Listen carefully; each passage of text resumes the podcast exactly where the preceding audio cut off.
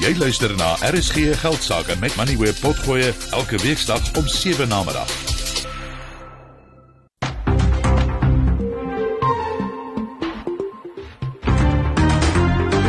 Jy luister na RSG Geldsaake, jou betroubare bron vir sake en beleggingsinsigte.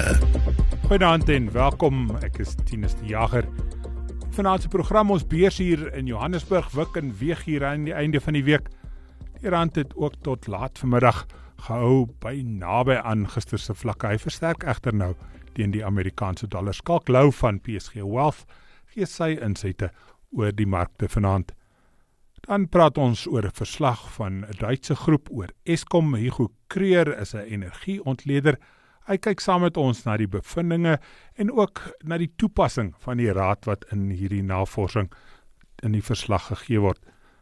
Dis Vrydag aand ons praat oor persoonlike finansies. Voor ons by die luisteraars vra kom vanaand praat Wikus Olivier van Credit Smart oor hoe om slim te werk met jou geld.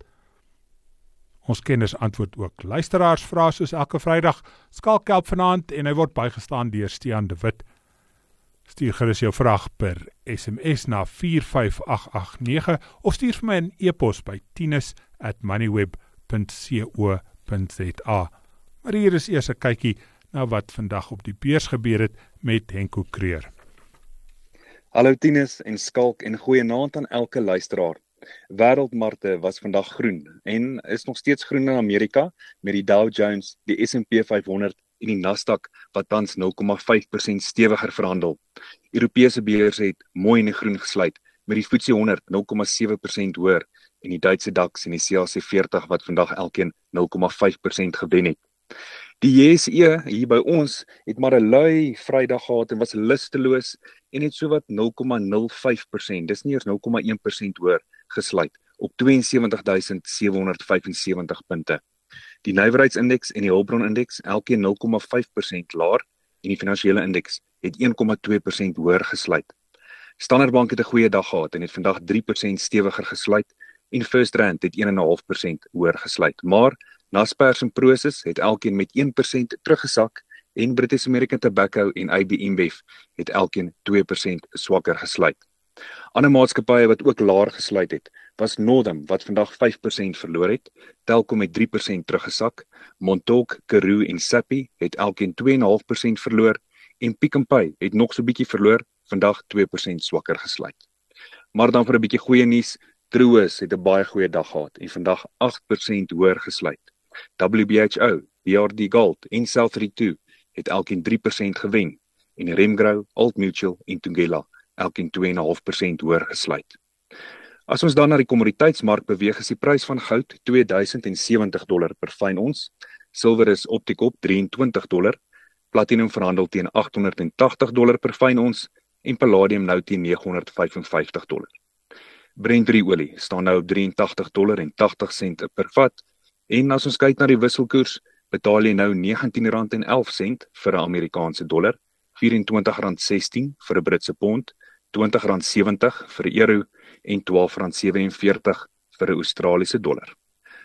Bitcoin verhandel nou teen 61500 dollar en dit is ook 1,2 miljoen rand. Dienes heel laaste die plaaslike staatseffekte. Die R186 verhandel tans teen 8,9% en die R209 verhandel nou teen 11,8%. Dankie Henko. Die insetsel word geborg deur Creer Internasionaal. Kontak hulle nou by creerinternasionaal.co.za om jou finansiële en leefstyl doelwitte met gemoedsrus te bereik. Soos ek vroeër gesê het, praat Skalk Lou vanaand oor die markte oor wat op die beurse gebeur het. Goeie nou, Skalk kos mark in die rand trap maar so 'n bietjie water vandag, dan op, dan af ten spyte van die hoër internasionale markte wat Enko nou oorgesels het. Ja, goeienaand. Tinus en goeienaand aan al die RSG luisteraars en dankie ook vir Enko. Enko, jy het so 'n streelende manier om altyd slegte nuus oor te dra. Ek moet sê jy eh, jy jy het maar goeie manier, maar ek moet sê eh, ten spyte hiervan, ons het ons het nou gesien dat die markte was maar so 'n bietjie uit so geknor uitgeknor vanoggend. Ehm um, en en hy is nou sterker. Ons sien nou die S&P 500 so amper 0.5% sterker, Nasdaq so 60 basispunt sterker, maar dit het maar moeilik gegaan deur die loop van die dag. Ehm um, en en en dit het maar 'n bietjie druk geplaas op op op veral weer ons hulpbronne. Uh, ons het gehoor dat uh, uh Enko gepraat het van die Chinese maatskappye, weet maatskappye wat soos soos, soos Prosus, Naspers wat maar swaar getrek het met met Tencent wat wat sleg afgeskop het Maar na mate die dag beter geraak het, so dinge bietjie beter opgetel en eintlik op die ouens van die dag nie so sleg gaan op weet gaan eindig nie. Wanneer mens kyk na die geldeenhede, dis soos jy gesê het, die, die rand het 'n bietjie beter dag gehad, maar weer is baie baie in lyn met baie van die ander ontluikende ontluikende lande. Net wanneer mens kyk ons uh, ons rand is so 40 basispunte sterker vandag. Brasil 45 basispunte sterker, met die Meksikaanse pesos 35 basispunte. So ons is baie in lyn met ander ontluikende marke vir vandag. Nie baie baie nuus wat op die markplase vind het nie, maar soos jy sê, dit is asof daar nie 'n sekerheid is of waar mense wil belê in Suid-Afrika of nie. Die Absa aankoopbestuurdersindeks is daar 'n positief skak, dalk 'n aanduiding van meer positiewe sentiment in ons ekonomie. Ons het dit nodig. Tenus ons het dit nodig. Wie ehm um, ek, praat nou juist van van van ons praat van die markte wat so so so so, so knor. Het ek uh, het elke maand het ek so ehm um, 'n staatjie wat ek uitbring vir my kliënte wat ons 'n bietjie kyk na die wat het die vorige maand ge, ge, gebeur soos so Engels sê the top of the pops. En ehm um, dit was my teleurstellende terugvoering vandag vir vir Februarie. Want weet wanneer mense gaan kyk wat die wat die markte gemaak het uh, weet ons kyk dat die dat die in dit is nou alles nou in FSA dollar terme sodat ons nou appels met appels vergelyk. Die MSCI alle uh, wêreld um, indeks of alle lande wêreld indeks hulle het so kom ons sê so 0.59% vir die maand ehm um, uh, versterk terwyl die MSCI ontluikende lande waarvan Suid-Afrika ek dink die 6ste grootste is, hulle het met 4.76% gestyg. Dis amper 5% stygings. Oor dieselfde tyd het die JSE met amper 5% gedaal. Nou daai is is is wat ek dis weet ons het gereeld weet uh, sit mense in in vergaderings mense top fondsbestuurders wat almal sê dat Suid-Afrika lyk goedkoop. Suid-Afrika bied baie geleenthede. My vraag bly altyd, hoekom weet verander daai geleenthede nie in stygende markte soos die res van die wêreld en die antwoord lê baie voor die liggend in die feit dat hierdie hierdie hierdie um, sentiment die die die die, die sentiment in Suid-Afrika as 'n beleggingsdestinasie is nie positief nie. Ehm um, en en en ek dink die Absa Absa aankoopsbestuursindeks hy was al reeds vir ons gewys dat dinge lyk 'n bietjie beter vandag. Ehm um, en hooplik kan 'n mens meer en meer van hierdie uh weet uh, vertroue terugkry, beleggingsvertroue terugkry na Suid-Afrika wat ek dink goed kan wees vir vir, vir beleggings. Skakel ons 'n bietjie oor see kyk. As jy sukkel om hulle fabrieke produksie aan die gang te kry, is dit 'n gebrek aan aanvraag of is daar 'n uh, ander wesenlike probleem daar?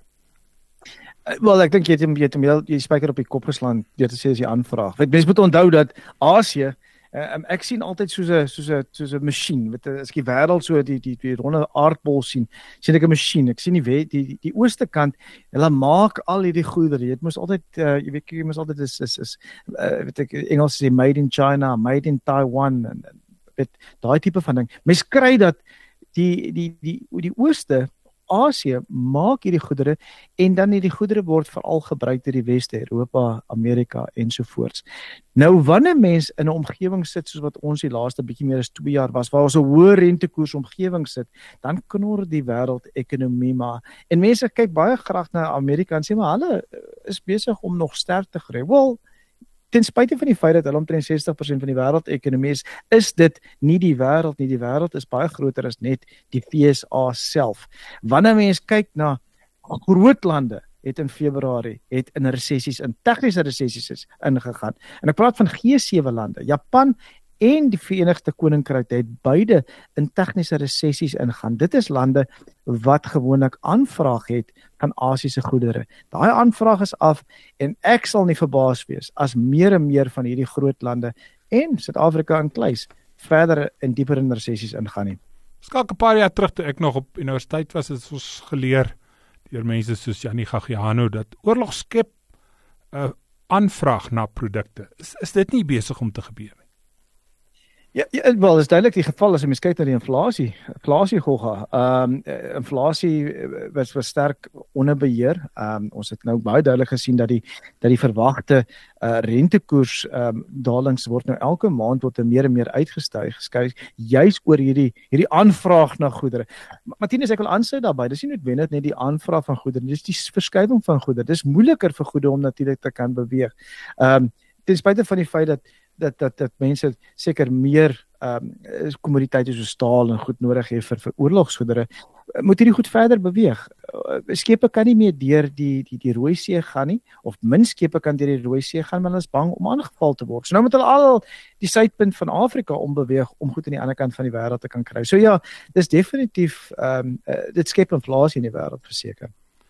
Volgende week sien ons weer werkskepingsdata in die FSA en natuurlik voormalige president Trump en sy hofsaak duur voort. Ons fokus maar op die werkskepingsdata is iets wat wat definitief vir ons belangrik is skalk. O ja, o ja ja, ek dink dit is vir my die belangrikste. Ek weet mense is amper weet meer geneig om altyd te kyk na werkloosheidssyfers en hulle sê wanneer as jy as jy werkloos is, kyk dan moet jy mes bekommerd wees, maar eh, ek stap vat hom altyd so stapie terug. Mense weet wanneer mense kry daar nuwe werk werke geskep word in 'n land is is gewoonlik maar die eerste teken voordat 'n mens werkloosheid kry. Daar moet minder werke wees voordat daar werkloosheid gaan wees. En wanneer mense die FSA se nuwe werkskepings data kyk, is dit nou vir 22 maande in 'n ry het ons dalings gesien van die hoogtepunte. Ehm um, ek dink die vorige die vorige keer wat ons soveel dalings na mekaar gesien sien het, was juis met die met die met die finansiële krisis daarso in 2008, 2009. Nou ek wil nou nie ek wil nou nie in in, in swaalkie hierso 'n lelike sower noem nie, maar ek dink dit is iets wat ek verseker gaan dophou. Is hierdie werkskepings nog steeds besig om te daal? Want dit sal vir my gewoonlik 'n idee gee van kan werkloosheid binnekort uh, sy kop uitsteek as 'n as 'n as 'n as 'n nare nare spook hierso. Dankie Skalk Skalk Lou bly hier by ons om oor die insette net hierna te gesels en ook om van julle vrae te antwoord.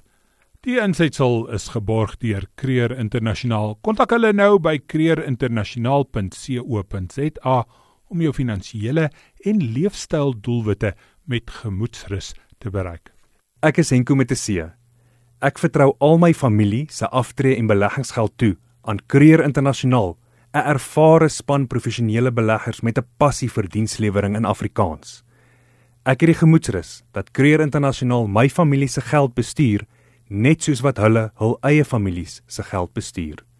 Kontak Creer Internasionaal nou by creerinternasionaal.co.za om jou finansiële en leefstyl doelwitte met gemoedsrus te bereik.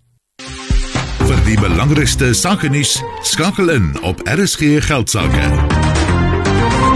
Dis Vrydag aand, ons kyk na persoonlike finansies. Een net voor die begroting het Wikus Olivier bestuurende direkteur van Credit Smart vir my 'n skrywe aangestuur oor hoe om te reageer in onsekere ekonomiese tye.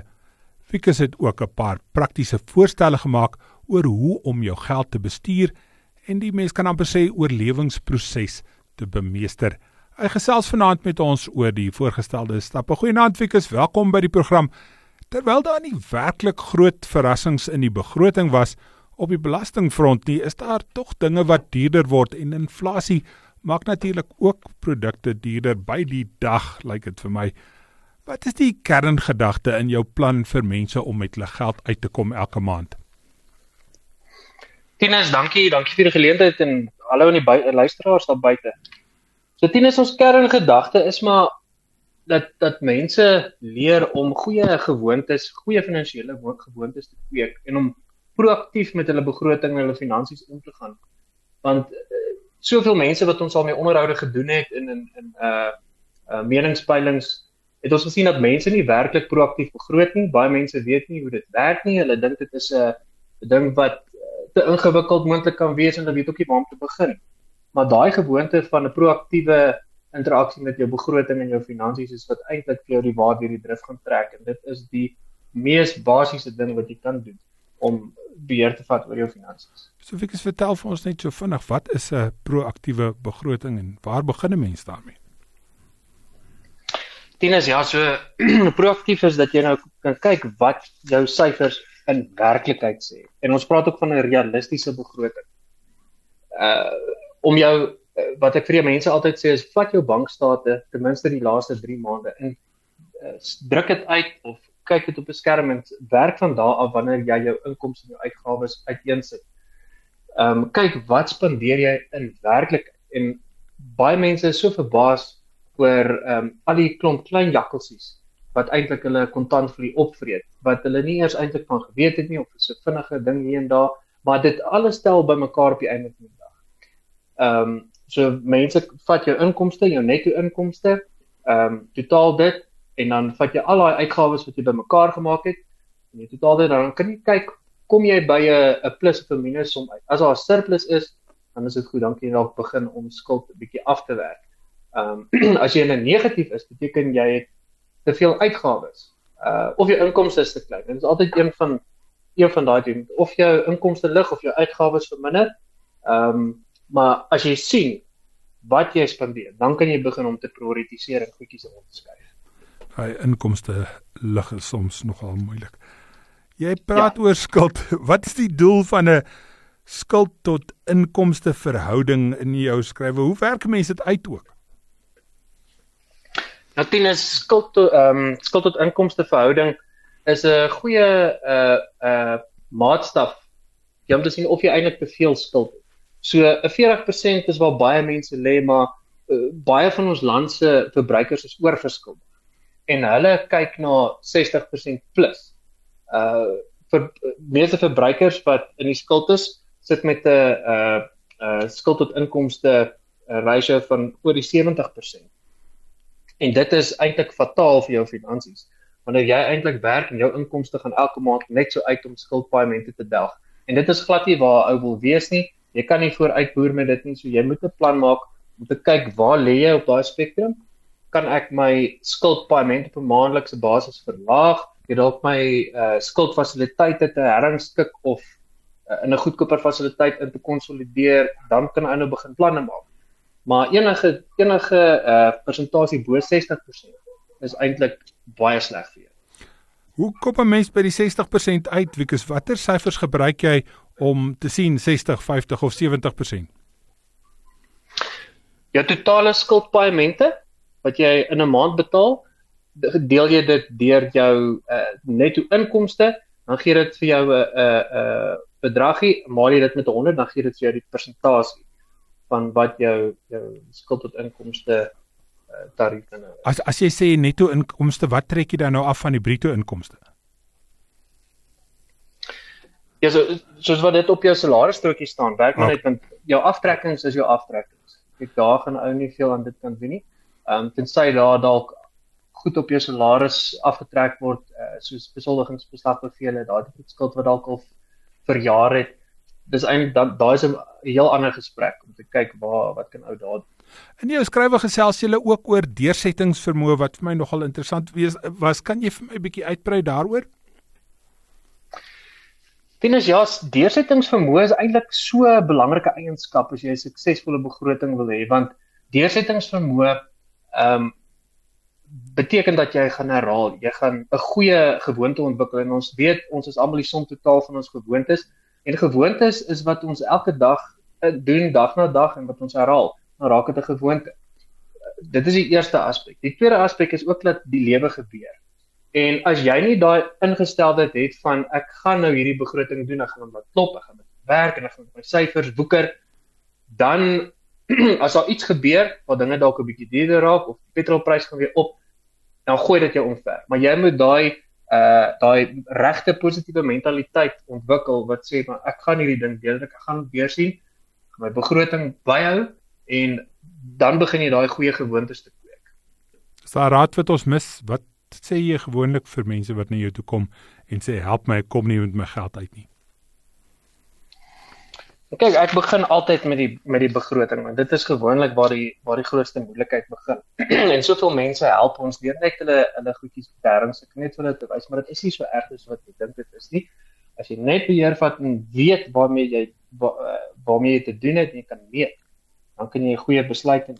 Maar wanneer ons dan nou verder afgaan om om nou daarby by te hou, uh, raai ek ook mense aan om dalk 'n uh, uh ag nee, wat sê die die Engelse man sê accountability maar wat jy verantwoordelikheid kan doen teenoor mekaar waar jy dalk 'n jou ouditeur of 'n vriend wat naby is of so saam op hierdie pad vat waar jy mekaar kan verantwoordelik hou. Het jy jou begroting gedoen? Hoe lyk jou syfers? En dan saam want dit is maar 'n eensame pad as jy self met jou met jou dinge moet deel. Maar ehm um, kry jy iemand wat die pad saam met jou kan stap. Baie dankie Wikus. Dit was Wikus Olivier, besturende direkteur van Credit Smart. Soek jy sake, finansiële en beleggingsnuus aan jou vingerpunte? Laai dan Moneyweb se slimfoon toepassing af. Dit is die maklikste manier om op hoogte te bly van nuus uit die sakewêreld, meningsstukke om te interpreteer en ook die jongste markaanwysers. Jy kan ook regstreeks na alle RSG geldsaake uitsendings luister of later na die potgoeie van die onderhoude gaan luister. As jy finansiële raad nodig het, kan jy ook deur die toepassing by van die beste finansiële adviseurs in die bedryf uitkom. Alles op een slimfoon toepassing. Dit is heeltemal gratis. So laai dit sommer nou van die Apple App Store of Google Play Store af. Daar is geen geldsaake met Moneyweb. Elke week saam tussen 6 en 7. Navorsing wys glo dat rompslomp en 'n te ingewikkelde bestuurstelsel die hoofrede is vir Eskom se onvermoë om genoeg elektrisiteit by sy steenkoolsentrale op te wek. Die bevinding volgens 'n berig in Business Day is deur die Duitse energiekonsortium VGBE gedoen vir die departement van finansies. Ons raak nou aan vlak 2 beerdkrag en ons lyk ook asof ons die naweek daar gaan bly. Ek gesels vanaand met Hugo Kreer, 'n energiekommentator. Goeienaand Hugo, welkom by die program. Moes die regering die Duitsers regtig betaal vir hierdie navorsing of het hulle daarom iets gewys geword wat nie so voor die hand liggend was nie? So baie goeie vraag. Ehm um, kyk ek en 'n paar ander mense het al dieselfde vrae in die in die uh, pers gevra en ons artikels wat ons geskryf het. Ek ehm um, het al 3 of 4 artikels oor geskryf. Ons het uit die publieke data uit was dit baie duidelik dat Eskom nie 'n ingenieursprobleem is nie. Dis nie 'n tekort aan kapasiteit nie. Dis 'n operasionele probleem. Dis nie 'n tekort aan onderhoud in sekere opsigte nie. En hier het die regering vir die eerste keer 'n verslag gegee wat redelik eerlik lyk.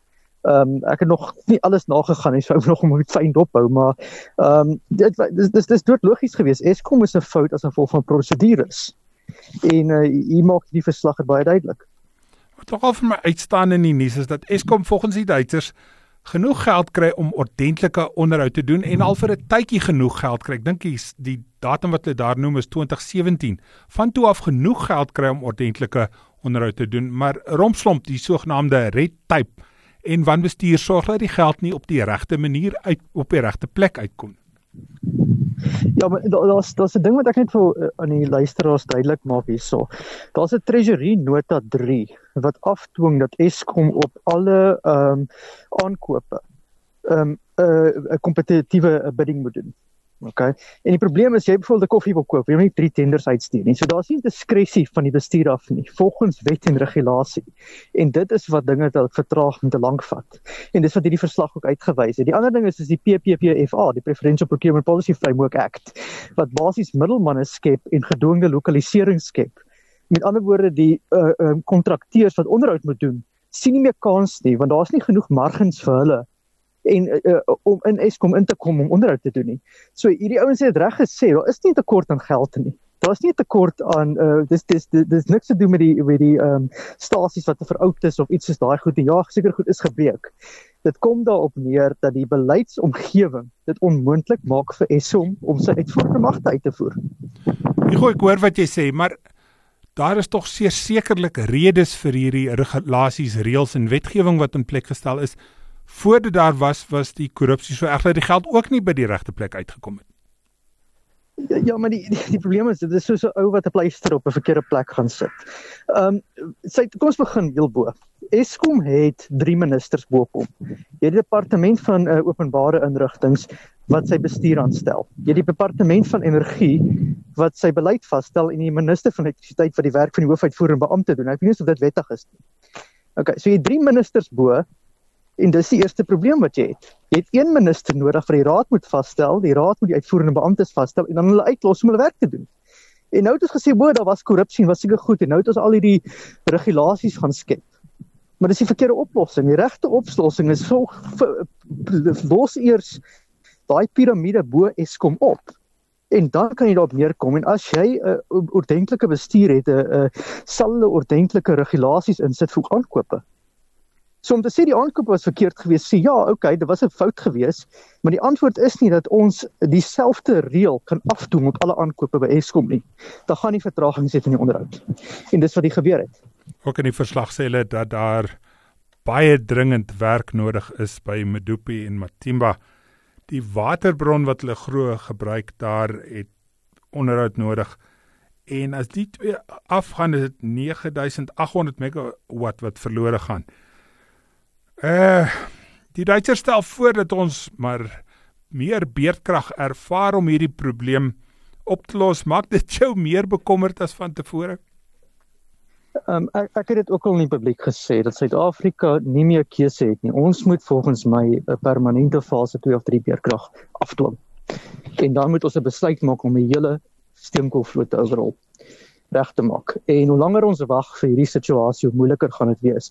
Daai verslag het iets baie waar gesê. Hy gesê ons is besig om een parameter na te jaag wat die energie beskikbaarheidsfaktor is. Met ander woorde, ons operateurs is besig om hulle stelsels in die rooi te dryf. Nou dis nie eers 'n mate van om 'n Fiat Ferrari vinniger te ry al is hy oud nie. Hulle breek hom net eenvoudig. En daai ding van die waterstelsels is een van die baie foute. Die ketelbysit ook foute. Daar's ter duisende foute by Eskom wat is gevolg is van swak kwaliteitsbestuur en onderhoud wat nie gedoen word nie. Maar wat die regering nou nog nooit wou gesê het nie, as jy regtig onderhoud doen, moet jy 'n stasie afval vir 6 maande na jaar toe. Ons het hier ons het in Frankryk gedoen vir amper 2 jaar om reg te maak. En wie gaan dit nou doen? Hoe gaan jy 'n verkiesing wen vir ouens te sê gaan permanente beerdkrag hê? Dis daai is die daai is een van die oplossings. Dis eintlik my volgende vraag is is hierdie voorstelle wat gemaak word deur die Duitsers praktiese voorstelle vir al in 'n verkiesingsjaar is dit moontlik om te doen? Uit ingenieursoogpunt is dit prakties uit die politieke oogpunt is natuurlik nie, maar ek het iets anderste wat hulle nie genoem het in daai verslag nie wat vir luisteraars meer kan oop gaan. Eskom het verlate kragstasies soos Duva 3 en Hendrina en seker ander stasies wat hulle jare terug al 4, 5 jaar terug al kon begin reggemaak het en dan sou dit nie beerdkrag afgedwing het nie. Hulle kan dit nou nog doen, maar hulle wil dit nie doen nie want wat hulle nie wil sê nie is die rede hoekom Duwa 3 opgeblaas het, daar was bedrog by die steenkool aankope gewees en dit was ook daar was tekens gewees van 'n uh, uh, van polisbedrog dat die assuransiegeld dalk gesteel was. So hulle wil nou nie daai ene oopkrap nie. Ons het ook stasies langs die uh, uh, munisipaliteite soos in Pretoria wat deur hierdie huidige minister van elektrisiteit afgeskakel is toe hy burgemeester van Pretoria was en Rooiwalstasie kan die môre gaan aanskakel die dag gaan doen. So met ander woorde, ons moet die vraag gaan vra, hoekom word sekere stasies verlaat? OK, terwyl ons beerkrag het en hulle fokus net op die wat heidaglik werk. Dit jy kan nie 'n stasie regmaak terwyl hy op lading is nie, moet hom afval en as jy gaan afval gaan jy beurtig afdoen, maar jy kan die gebreke stasies regmaak. En dit word so skelmpies in hierdie verslag genoem. Ek nog geen detail gelees nie. Maar hulle sê dit nie duidelik nie. Ek wonder of dit nie van hulle skoupa weggevat was nie. Baie dankie goed. Dit was Sigo Kreer, 'n uh, energie kommentator. Dit klink of ons in die toekoms weer met hom sal gesels. Besoek RSG Geldsaake se Facebookblad en kom ons gesels. Ons gebruik op 'n Vrydag aand hierdie tweede helfte van die program om luisteraarsvrae te antwoord. Jy kan jou vraag na my stuur per SMS na 45889 of stuur vir my 'n e-pos na tinus@moneyweb.co.za. Ek het twee gaste wat my help om die vrae te antwoord. Vanaand Skalk Lou is steeds met ons en Stean de Wit, finansiële beplanner van NMG Benefits, skakel ook nou in om te help. Goeienaand Stean, welkom by die program. Ons dalk by jou kan begin. Ons luisteraar wil graag anoniem bly, maar hy sê hy's dalk so 'n bietjie jonger as die gemiddelde luisteraar van die program. Ek weet nie hoe hy dit bepaal nie. Hy sê hy werk nou al vir 5 jaar uit 'n pensioenfonds by die werk, maar hy wil graag 'n bietjie ekstra spaar vir die langtermyn. Meer as 20 jaar sê hy. Vra eerstens of die koop van jou eie blyplek 'n goeie opsie is vandag, veral met die rentekoerse waar hulle is Ja, Queen Antinus, um dis 'n interessante vraag hierdie. En daar's nie reg of verkeerd nie. Ek dink een van die vrae is waar bly jy? Bly jy in Kaap of by in Kuruman? Want as jy in Kuruman bly, dan is jou eiendomspryse besig om te val. As jy in die Kaap bly, sy huispryse besig om te styg. So as jy dit uit 'n beleggingsoogpunt spesifiek kyk en jy het nie 'n emosionele hoed wat jy opsien sê nee, my vrou soek nou 'n huis wat sy 'n spyker kan inslaan sonder om vir die landlord te vra of ek 'n spyker kan inslaan nie. Dan um, een van die maklike sommetjies om te doen is om te maak is om te sê is my rente wat ek betaal op my eiendom meer as die groei in die area. So dis so nie heeltemal 'n regte wetenskaplike sommie, maar dit gee vir mense so 'n bietjie van 'n aanduiding. Nou die die een ding wat baie interessant is, ek het toe nou toe ons nou hierdie vraag bespreek het, 'n sommetjie wat wat ek gemaak het om te vra, is dit nie beter om te huur en die verskil wat jy huur te spaar en later te koop nie? Want as jy byvoorbeeld gaan en jy koop 'n 20 miljoen rand se eiendom, ag 'n 2 miljoen rand se eiendom nou, nê? Dan dan gaan jy so met vandag se rentekoers gaan jy so 21000 rand 'n maand betaal oor 20 jaar. So in totaal gaan daai 2 miljoen rand se eiendom gaan jou 5.2 miljoen rand kos oor 20 jaar as jy hom afbetaal. Maar dan moet jy nog jou heffings en jou erfbelasting en al daai goederes in ag neem. So dan dan raak dit 'n groot sommetjie en as jy daai as jy daai eiendom net vat en jy sê, "Oké, okay, wat is my eiendom werd na 20 jaar en jy werk in 'n gemiddelde, weet, eiendomspryse op sekere plekke is nie so so so goed nie, maar kom ons sê jy werk op 'n 4%, dan het jy 5.2 spandeer, maar daai eiendom is maar 4.3 miljoen rand werd. Maar nou, dis nou die een sommetjie. En aan die ander kant kan jy gaan sê, "Oké, okay, so kom ek gaan vir 5 jaar, ek het nou hierdie som gedoen en gesê vir 5 jaar gaan ek net die verskil wat ek sou betaal het as ek hier met die die heffings van nou as jy 'n eiendom hier betaal jy nie erfbelasting nie, jy betaal nie heffings nie, jy betaal niks van daai goed nie. En dan vat jy daai geld en jy spaar en na 5 jaar gaan jy sê, "Oké, okay, nou gaan ek 'n eiendom koop, nou het ek die verskil gespaar in my sommetjie." Dan gaan jy gesê jy werk teen inflasie plus 3 oor 5 jaar spaarplan. So dan gaan jy so 960 000 amper 700 000 rand gespaar hê. Jou eiendoms op eiendomsprys gaan opgaan, kom ons sê dan omtrent 2.3 miljoen toe. Maar die beginsel is as jy dit dan doen, dan betaal jy daai eiendom van daai tydperk af in 7 jaar af en jy spaar aan rente teenoor die eerste som spaar jy 'n totaal van oor die 2 miljoen rand. So weer eens, dis nie 'n reg of verkeerd nie, maar partykeer moet 'n mens net so 'n bietjie gaan terugstaan en sê, waar gaan ek koop? Wat wil ek koop en wat is die verskil in pryse en en 'n ingeligte besluit neem. Dis want die probleem met 'n eiendom, dis baie keer 'n emosionele, dit nie al nie baie keer nie, dis altyd 'n emosionele besluit wat 'n mens neem en as jy jou wiskunde hoed wil opsit, dan moet jy bietjie anders daarna kyk. Baie dankie. Goeie antwoord. Die die tweede deel van sy vraag is gaan jy in die situasie waar ons nou is waar daar sprake is van rentekoerse wat gaan daal maar nie regtig daal nie gaan jy die rentekoers wat jy betaal vasteken op 'n eiendom as jy dan nou sou besluit om 'n vaste eiendom te koop Ek sal definitief nou vasteken nie. Ehm um, die banke is baie skerp. Hulle weet wat gaan gebeur. Ons almal weet ons is op die bo-punt van die rentekoers. Nie almal nie, die meeste mense weet dit. So ek sou as jy wil vasteken, dan sou ek gewag het tot die rentekoerse draai en en en hy maak altyd 'n siklus. Ons weet mense praat daarvan die die ouens met die dik brille en die wit jasse sê ons van hier teen Junie Julie maand lyk dit of rentekoerse gaan begin draai. So ek sou dit definitief nou vasgeteken het, maar dan gaan jy jy gaan 1% omtrent gemiddeld 1% bo jou jou ehm um, wissel wisselende rentekoers jouself vasteken en dan is jy daar vir 'n tydperk. So ek sou definitief nou gedoen het. Nie. Ek ek hoor wat jy sê van die slim mense. Werk hulle nie ook maar dit in nie en dat die vaste rentekoers wat jy sal kan kry nou dalk bietjie laer sal wees as vir dit 6 maande of 'n jaar gelede was? Ek ja, hulle hulle doen dit baie keer, maar dis gewoonlik is dit 'n is dit 'n hoë rentekoers se vatwerk. Ehm um, So ja, ek is ek is van die opinie dis wag dis beter om te wag want die ander ding en ek wil terugkom na my vorige voor die vorige punt is ek wil jy wil eintlik jou eie jou eiendom in 7 jaar afbetaal. Jy wil eintlik nie jou eiendom oor 20 jaar afbetaal nie en as jy jou rentekoers vasmaak dan dan jy, partykeer jy gewoonlik is dit 'n 5 jaar siklus waarin hulle daai rentekoerse vasmaak, baie keer bietjie korter. Ehm um, maar nee, ek sou dit nie al vasgemaak het nie. Skak dan die tweede deel van sy vraag. Hy vra spaar hy nog belê hy nog of betaal hy eers hierdie eerste eiendom af. Stian het eintlik nou daarop gereageer en gesê ons mik vir 7 jaar as ons 'n vaste eiendom koop. Stem jy saam? Ja, op al jy spaar hy nog, belê hy nog of uh, betaal hy sy eerste eiendom af? Ja. Daar's nie daar's nie daar's nie dis nie 'n of nie. Ehm um, uh, weer eens as 'n mens nou kyk, uh, Stian het mooi gepraat daaroor, maar ek dink uh, waar ons sit die prima koers op hierdie stadium staan op 11.75. Wanneer jy 'n huis koop, dan is uh, is jou huis uh, se verband gewoonlik gekoppel aan daai in aan daai prima koers. En of dit jy nou 'n uh, uh, prima koers gekry het, 'n prima min 1 of 'n prima min 2 soos baie mense so 10 jaar terug nog gekry het, hy is steeds gekoppel aan aan daai prima.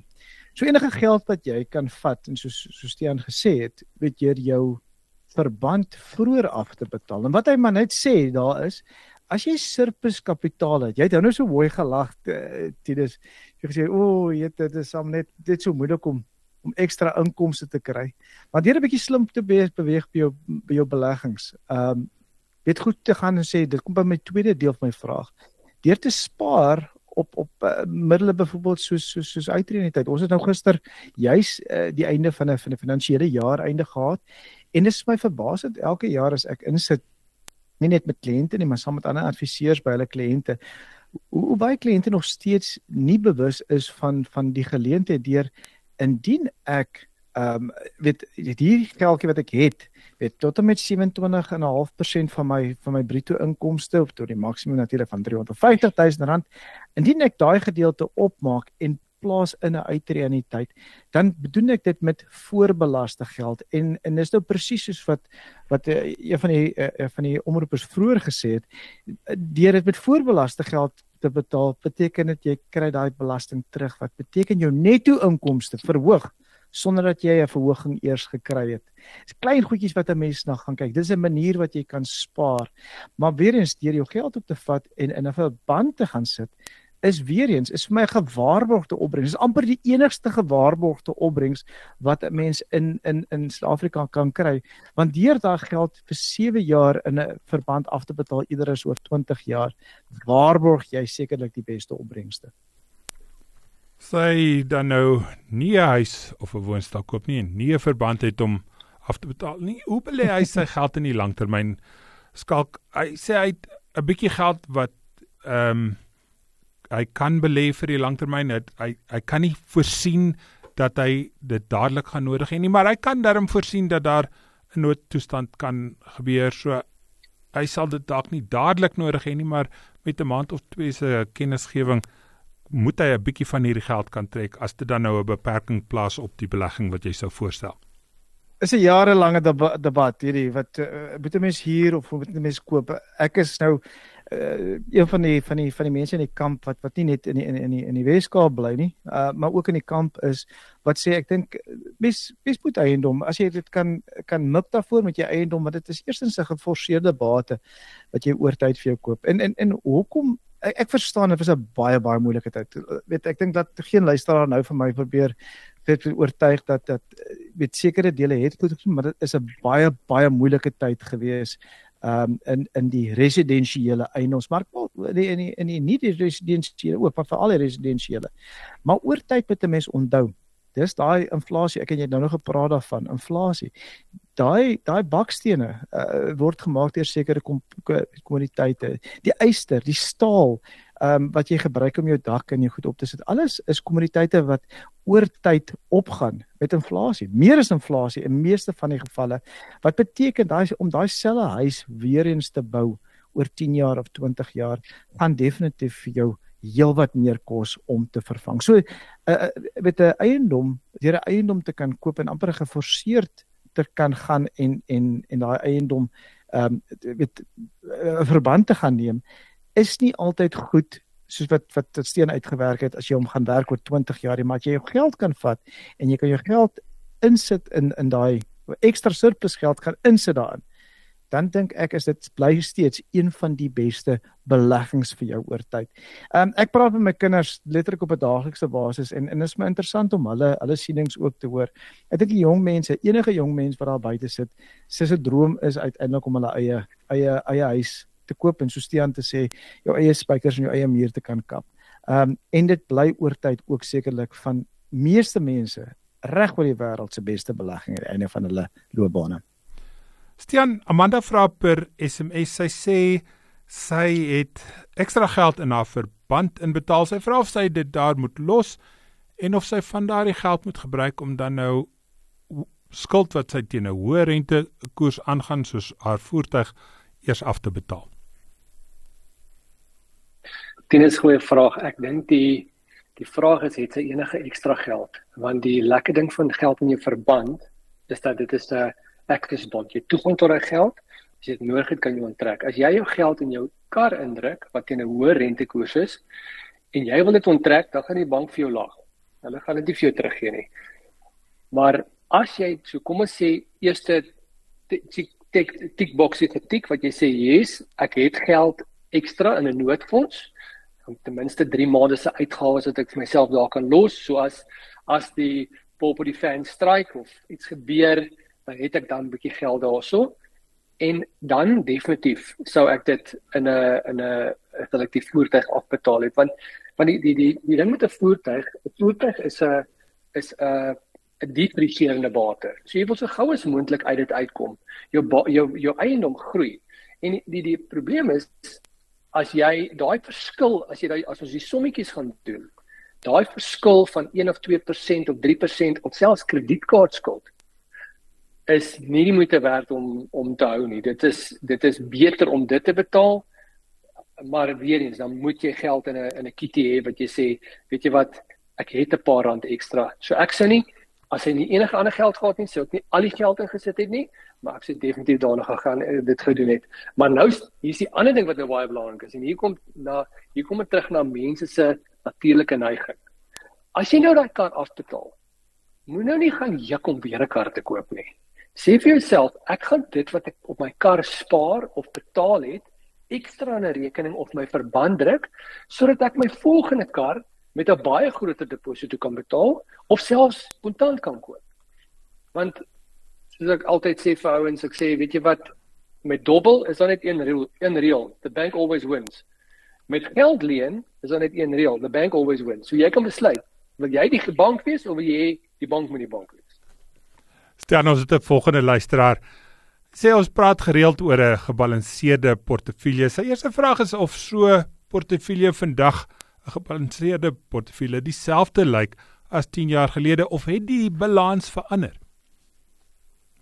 Okay, so ek dink die eerste ding hier teen is ons moet net seker maak dat almal weet wat is 'n gebalanseerde portefeulje. So jy kry vier bate, jy kry baie meer, maar vier die groot bateklasse is aandele, as effekte, kontant en dan eiendom. Nou gewoonlik 'n gebalanseerde portefeulje het tussen tussen 50 en 75% aandele in die portefeulje. Ehm um, nou het hy het 'n partykeer bietjie meer ag ehm um, bietjie meer oorsese ehm um, portefeuljes in die eiendom of beleggings. Nou ek dink die artikel 28 reël rondom pensioenfonds geld is nogal 'n baie goeie maatstaf om te sê meer as 'n as 'n artikel 28 pensioenfonds as jy buite jou gebalanseer dan gaan jy meer na aandele portefeulje toe.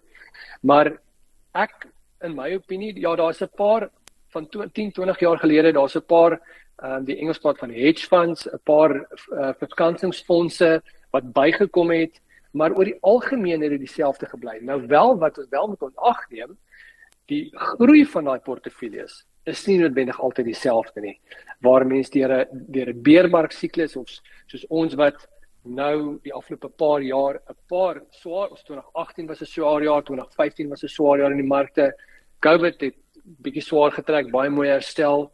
2022 was ook 'n swaar jaar. So so ons kry nie die groei wat ons 15, 20 jaar gelede gekry het in daai portefeuilles nie, maar jou bateallokasie volgens dit wat ons al die almal met, met die ons werk het maar baie dieselfde gebly behalwe met so een of twee klein goedjies met nuwe instrumente wat na die pakkie toe gekom het. Skaks die aan verwys nou na groei, groei in jou portefeulje. Die, die selfde luisteraar vra hoe belangrik is dit om 'n belegging in die Amerikaanse geldeenheid of die Engelse geldeenheid die pond of selfs die Europese geldeenheid te maak. Het sy in die geldeenheid self of dan nou in 'n maatskappy wat groei in dollar of euro of pond? Uh, nee, ek dink dit is baie belangrik. Ehm um, dis soos selle diversifikasie wat Steven nou pas uh, gepraat het van uh, in terme van 'n gebalanseerde portefeulje sluit hierdie baie mooi aan. Ehm um, daar's uh, daar's so daar's so ding met 'n term wat hulle na verwys is is is huisvooroordeel home bias. En en mense is so geneig om om met ons is trots op die springbok ons is trots op ons op ons op ons uh, ons posprodukte en mense is so geneig om weet te veel van mense kapitaal in in jou eie geld eenheid te hou. En dis nie net 'n Suid-Afrikaanse ding is 'n ding met reg oor die wêreld. Mense moet altyd die die die die wetenskap agter gaan kyk of die sien hoekom 'n spesifieke geldeenheid verstewig of verswak. Nou dit begin heel eerste eh, nog 'n groot term, weet koopkragpariteit. En daai koopkragpariteit verwys maar na indien ek rande het en en as daar's FSA met dollars, dan moet die rand moet eintlik verswak eh, met die verskil van Suid-Afrika en die FSA se inflasie. Nou ons weet eerste wêreldslande, jy het nou genoem die die die die FSA dollar het gepraat van uh van van die van die Britse pond het ook gepraat van die uh, Europese euros als uh eerste wêreldslande. Nou daai eerste wêreldslande indien hulle uh, inflasie normaliseer en mens kyk na die laaste 10, 15 jaar, word dit normaliseer hier rondom 2.5%. Nou Suid-Afrika gaan dit baie moeilik regkry om hulle inflasie by 2.5% te kry. Ek dink ons gaan gelukkig wees as ons die weer rondom rondom 5% kan kan gemiddeld kan kan kry. So daai daai verskil met 'n 2.5%, dit is die rede amper hoekom jy daai lande se geldeenhede wil hou in daai beleggings juis oor daai verskil in inflasie behoort vir jou daai groei te gee um, oor die langer termyn. Stean, ons het in die week nogal redelik baie maatskappye se finansiële resultate oorgesels met die bestuurshoofde of finansiële hoofde. En Swisagi van Skatberg vra, hoekom moet hierdie instansies hulle winste en ander inligting rondom die maatskappy so gereeld bekend maak? Is dit volgens die wet? Ja, ja, dis definitief wetgewing. Ehm um, daar's daar's natuurlik as jy geluister maatskappye is, is daar reëls rondom dit want dit is publieke geld. Dit is dit is mense wat hulle geld belê, pensioenfonde belê hulle geld. So as as ons geld in 'n pensioenfonds het en daai geld word daar soos ons nou nou gepraat oor jou gebalanseerde portefeulje 60% van daai geld lê in aandeleportefeuilles. Daai aandeleportefeuilles is maatskappye soos Naspers of MTN of Sasol of PSG of maak nie saak watter maatskappy nie, belê daar geld in daai portefeuilles en dis mense se geld. En as iemand as jy daai geld bestuur namens iemand anderster, dan wil jy weet jy daai persoon hy hy het 'n hy hy die regte beginsels van hom, hy doen 'n goeie job en hy maak seker jou pensioengeld is iets werd. Um En uh, ons sien dit 'n baie goeie voorbeeld is wat met Steinhoff gebeur het. Um okay, hulle het ook hulle geld belê en maar daai goed het daai goed het baie vinnig in die markte uitgekom toe die toe die dinge begin sê draai en hulle kon nie hulle kon nie dit dit okay, daai het probleme gekom, maar daai probleme is is beperk tot op sekere bates. En ja, daai maatskappye moet daai aandele, hulle moet gaan sê wat gaan aan, hulle moet hulle moet gaan sê wat wat voorspel hulle gaan gebeur sodat mense nie met 'n um, met 'n eier op die gesig gaan sit om te sê okay ek het nou gedink hierdie maatskappy gaan 'n 10% groei hierdie jaar en nou het hulle ewe skielik uh, 'n negatief gedoen. Of 'n maatskappy wat wat ehm um, halfjaarliks wat vooruitskatting maak van sê wat hulle dink hulle gaan doen. So al hierdie is baie baie belangrik want hulle werk met publieke geld en uh, dit is eintlik ons die integriteit van ons landsekonomie van van die finansiële stelsels word in 'n groot mate op dit dit geskoei.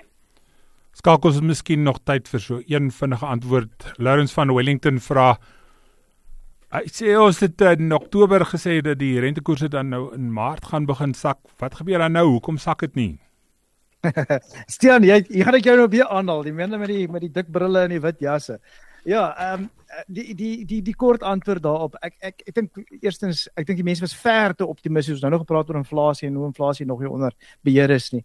Ehm um, so ek dink dit was ver te optimisties dat dat Maart, soos wat dit heidaglik is, het ons wat ons noem die CM CME um, hulle noem dit die FED tool, die toep hulpmiddel en al wat hulle doen is hulle kyk hoe die die afgeleide instrumente verhandelaars sit 'n sit 'n waarskynlikheid op vir vir rentekoersverlaging en soos wat dit heidaglik sit op hierdie huidige oomblik is die waarskynlikheid dat ons eers in Junie die eerste rentekoersverlaging in Amerika gaan kry. Dis 'n belangrike punt want Suid-Afrika kan 'n mens verwag dat as Amerika gaan verlaag, gaan ons eers 'n paar maande daarna ons eerste verlaging behoort te kan sien. Maar die verwagting op hierdie huidige oomblik is 70% vir Junie en 90% vir Julie. Ek sal my geld baie eerder sit op Julie. Ek dink mense moet rustig wees. Inflasie is nog nie onder beheer nie. Rentekoerse dink ek en ek stem saam, hy gaan daal, maar ek dink nie dis om die soos wat almal verwag het. Dis tyd dat ons terugskakel na RSG vir die nuus. Dankie aan Stian de Wit van NMG Benefits en Skalk Lou van PSG Wealth vir julle insigte vanaand en daarmee groet ons van my tieneste jager. Dankie dat jy vanaand saam geluister het. Jy het geluister na RSG Geldsaake met Money where potgoe elke weeksdag om 7 na middag. Vir meer Money where potgoe, besoek moneyweb.co.za of laai die toepassing af en volg Moneyweb News om dagliks op hoogte te bly.